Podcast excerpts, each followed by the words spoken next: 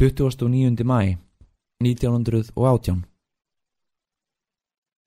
Í dag er vorblíða og sætur fugglasöngur. Svalan ræður sér ekki fyrir kæti. Rauðbristingurinn er í óða önn að bjarga sér og músarendillin, Ren, stígur dillandi dans í skóarliminu. Philip Gibbs, fregnaritarinn frægi, gatum það nýlega að hann hefði séð nokkra kínverja við vinnu næri skotgröfunum á Fraklandi. Hann segir að þeir hafi verið fremur stórvaksnir menn og kraftalegir, en undarlegir nokkuð og síhlæjandi.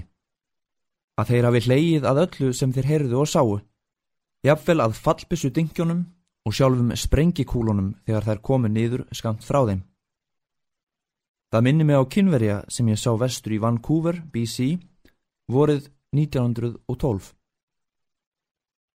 Þá var ég og konan mín til húsa hjá Holmfríði Sveinsdóttur, Miss Frida Swanson, sem bjó í húsinu nr. 990 á Símórstræti í Vancouver borg.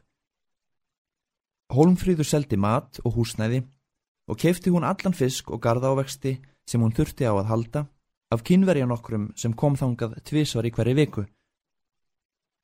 Þessi kynveri var á að giska 35 ára gamall. Lágur maður vexti en svaraði sér vel að gildleika. Hann gatt vel hafa verið tíu árum eldri eða tíu árum yngri en mér síndist hann vera. Því það er mjög erfitt fyrir kvíta menn að giska á um aldur hinn að gulu manna. Það enginnilegasta við þennan kynverja var það að hann gat ekki neitt sagt án þess að hlæja og hann virtist ávalt hlæja eðlilega og hjartanlega reyndar lístu augun engri gleði.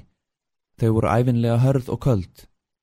En allir vöðvar andlitsins lístu ofsakæti og það var eins og krampi gripi hverja taug í herðum hans og handleikjum. Hann hló þegar hann hilsaði. Hann hló þegar hann sagði frá því hvað fiskurinn væri dýr. Hann hló þegar hann þakkaði fyrir eitthvað. Hann hló dátt þegar hann myndist á það hvað veðrið væri slæmt og hvað fiskurinn væri í lágu verði og hvað ástandið í Kína var í voðalegt. Hann ætlaði að springa af hlátri þegar hann kvatti mann og hann veltist um af óstöðvandi hlátri þegar hann var komin upp í vagnin og sagði hestinum að halda af stað.